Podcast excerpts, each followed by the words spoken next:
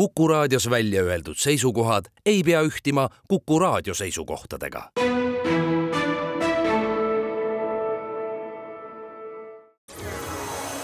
loodusajakiri, vaata ka looduseajakiri.ee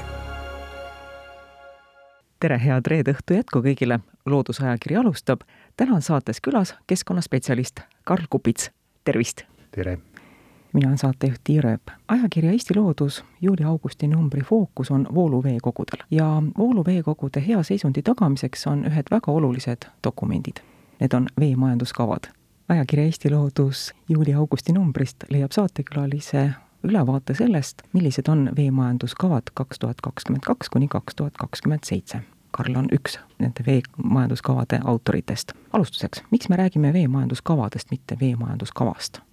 Lühike vastus on see, et äh, neid on kolm tükki, aga et äh, natukene pikemalt selgitada, et siis äh, peaks ütlema ka mm, nende kavade pikema nime, mis on siis vesikondade veemajanduskavad. ja see siis jaotub kaheks, et seal on vesikonnad ja kava. ja mis see vesikond siis on, et kui me siin rääkisime jõgedest, aga ka ojadest siis äh, veemajanduskava ei tegele mitte ainult selle jõe või oja endaga, vaid äh, ta tegeleb ka selle maismaa osaga, kust vesi sinna jõkke või ojja pääseb. ja see mm, ala siis on äh, valgala. ja iga jõgi ja iga oja voolab kuhugi välja, mõnikord voolab mõnda teisse jõkke ja need niisugused suuremad üksused, neid me nimetame juba alamvesikondadeks ja veel suuremad üksused siis on juba vesikonnad. ja sellest äh, tuleb see vesikondade nimetus ja miks me oleme jaotanud äh, mm, Eesti äh, kolme vesikonda, on see, et Eesti erinevates piirkondades on natukene erinevad probleemid ja nii on neid probleeme lihtsam siis majandada selle kava alusel. et väga jämedalt võttes võime Eesti jagada pooleks põhjast lõuna suunas ja siis äh, see, mis jääb äh, lääne poole, see on äh, Lääne-Eesti vesikond ja sinna on tehtud oma veemajanduskava.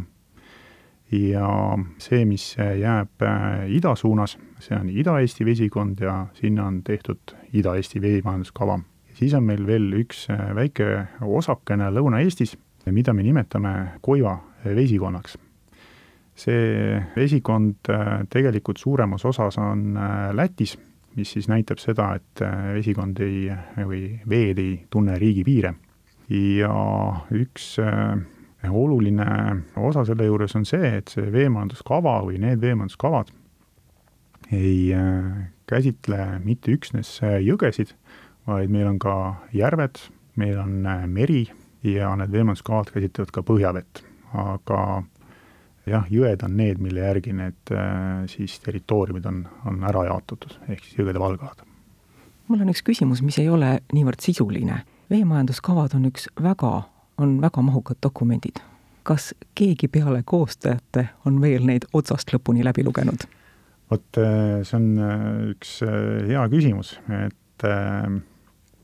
ilmselt neid inimesi väga palju ei ole, kes need otsast lõpuni läbi loevad, et äh, kust äh, veemajanduskava oma äh, formaalse sisu ja nõude saab, on äh, Euroopa Liit, kust meil tulevad paljud norminõuded, aga noh, peale selle vormi ja normi on meil ka väga palju sisulist, mida meil endal tegelikult nende veemajanduskavadega on vaja ära teha, et ilmselt seda veemajanduskava loeb meil ähm, kava peamine rakendaja, Keskkonnaministeerium neid loetakse ka Euroopa Liidus, aga ega ta tegelikult oma noh, sisult ei olegi mõeldud äh, niimoodi, et tavainimene võtab lahti ja loeb seda öökapi äh, raamatuna, et, et ilmselt äh, osutub see natukene võib-olla liiga keeruliseks ja igavaks.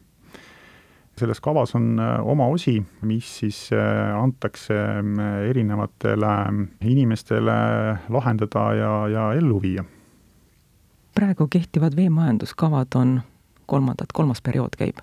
mida need kaks eelnevat perioodi, mida kaksteist aastat meile andnud on? et et kui ma nüüd õigesti arvutan, siis esimesed veemajanduskavad hakkasid kehtima aastal kaks tuhat üheksa oli vist, aga noh, ütleme siis siin kahe tuhandendate esimese kümne teises pooles. aga tegelikult me oma vesikondadega oleme samas formaadis tegelenud juba selle sajandi algusest. ja, ja mis me siis äh, selle aja jooksul oleme ära teinud või, või mis me oleme saavutanud, selle ehk vast võib äh, jagada kahte laia ossa, üks on see, et mis me oleme füüsiliselt ära teinud ja teine on see, et äh, mis tarkust me oleme nende kaheteist või ütleme isegi kahekümne, kahekümne aastaga saanud. Need füüsilised tegevused seal me peame nüüd äh, vaatama tagasi, et äh, kust me tuleme. et äh, me tuleme sellisest ajastust, kus oli fookus toodangul ja ei olnud eriti tähtis, et millise hinnaga see toodang tuleb, et kui me räägime siis keskkonnakasutusest. ja teine märksõna sellest ajastust on see, et töökultuur oli suhteliselt madal mis siis äh, tähendab seda, et äh, looduskasutus oli äärmiselt intensiivne, kaasa arvatud siis äh, veekasutus ja rajatiste ekspluateerimisega kaasnes omajagu õnnetusi, mis siis tõi endaga kaasa selle, et meil oli päris palju reostust üle Eesti ja meie veerajatised, näiteks reoveepuhastid, kanalisatsioonitorustik, need olid suhteliselt eh, kehvas eh, seisukorras.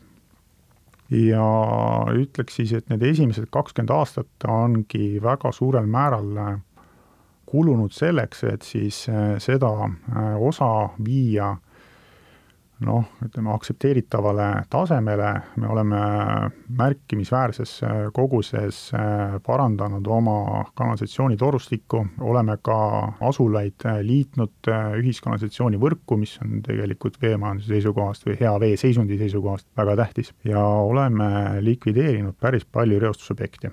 Ja miks see edaspidise seisukohast on oluline, on see, et äh, üldse, et veekogu head seisundit hakata saavutama või, või sellele eeldusi looma, siis see tähendakski seda, et me kõigepealt lõpetame ära niisuguse nagu aktiivse pealetuleva koormuse, et, et sellega me oleme reoveepuhastite ja, ja jääkreostuse osas üsnagi hästi hakkama saanud. selle osakaal on jah, üsna, üsnagi väike meie probleemides täna, et, et täna me maadleme, maadleme teiste probleemidega ja kolmas äh, suurem äh, osa sellest füüsilisest äh, tegevusest on tõkestusrajatised, lihtsamalt öeldes paisud, et need siis takistavad kalade rännet, mis on vee hea seisundi seisukohast jälle oluline, et nende kalade rände jaoks siis võimaldamiseks on kas siis ehitada kalaväes või paisud äh, lammutada, et, et seal me oleme ka liikunud edasi, aga seal on veel ka omajagu tööd ees. ja nüüd see teine osa, see tarkus, et äh, siin siis äh, ka, et, et, et selle võib jagada omakorda kaheks, et siis, kui me hakkasime oma veekogusid vesikondade majandamise põhimõtte järgi parandama siis äh, meil oli äh, suhteliselt ähm, no ütleme, kehvapoolne ülevaade üldse oma veekogude seisundist, sellest, et mis ootuseid me võiksime nendele seada. see peamiselt siis tuleb läbi seirega ja veekogude uuringutega, et äh, see on hästi mahukas tegevus, seda tehakse siiamaani, aga täna me kindlasti oleme hoopis paremal teadmiste tasemel, et mida meil on põhjust oodata oma veekogude seisundi osas ja mida põhjust oodata ei ole ja see teadmiste teine pool on, äh, me oleme ka ilmselt äh, õppinud seda, et äh, mis tähendab ambitsioonide seadmine ja mis tähendab siis nende elluviimine, et kui me noh, seame väga ambitsioonikaid eesmärke, et siis me peame ka väga palju pingutama selle nimel. punktreostust, see on see reostus, mis tuleb asulatest ja tööstusest seda me oleme tublisti vähendanud, võib öelda, et selle probleemiga on meil hästi. aga kuidas on lood reostusega, mis tuleb põllumajandusest? tänaste uuringute põhjal võime väita seda, et, et kui me räägime toitaine koormusest, siis äh, veekogudele, et äh, põllumajandus on äh, kõige suurem inimtekkeline toitaine koormuse põhjustaja, et ülejäänud sektorid on seal juba tänapäeval suhteliselt väikese osakaaluga. Ja miks need toitained äh, veekogude seisukohast äh, üldse oluline on, on see, et äh, toitained põhjustavad veekogude eutrofeerumist, et jõgedel ehk vast mitte nii olulised, aga jõed ju voolavad kuhugi, kas siis järve või, või merre, ja seal, kus on seisuv vesi, seal toitaine tasakaal on märkimisväärselt olulisem ja, ja põhjustab juba suuri probleeme, et oleme ju äh, kuulnud äh, sinivetikate tekkest ja nii edasi, et, et see kõik tegelikult on toitainete rohkuse tagajärg. ja äh, eks põllumajandusega on ka varasemate veemajanduskavade käigus tegeletud, põllumajanduskoormuse vähendamisega, aga siin kindlasti on veel omajagu tööd ees ja võib üsnagi kindlalt väita, et äh, põllumajanduskoormuse siis äh, ohjeldamine saab ilmselt olema ka järgmise veemajanduskava fookuses, et mitte ainult nüüd äh, aastaks kakskümmend seitse, vaid ka sealt edasi. millised need lahendused võiksid olla, mida peaks põllumees teistmoodi tegema? mis meil siis põllumajanduses üldse probleemiks on, on see, et ähm, mehhanism on siis niisugune, et äh, põllumajandustootja, põllumees viib äh, põllule oma seemne ja et see seeme seal hästi kasvaks, siis äh, väetab seda. väetis on toitained, needsamad, mille pärast me veemajanduse seisukohast siis muret tunneme ja väetada põhimõtteliselt tuleb nii palju, et et see kasvav vili selle väetise siis ära tarbiks. aga on erinevaid põhjuseid ja asjaolusid, mistõttu see vili, mis sealt põllult ära tuuakse, ei ole kogu seda väetist omastanud ja osa sellest väetisest jääb põllule. ja see nüüd ongi veekeskkonnale halb, sest et äh, ta ei jää sinna põllule mitte kinni, vaid äh, vihmadega, aga ka teatud äh, osas tuulega, see mm, kantakse edasi veekogudesse. ehk siis see kõige niisugune üldisem vajadus on meil see, et me peataksime või vähendaksime toitainete lekke veekogudesse.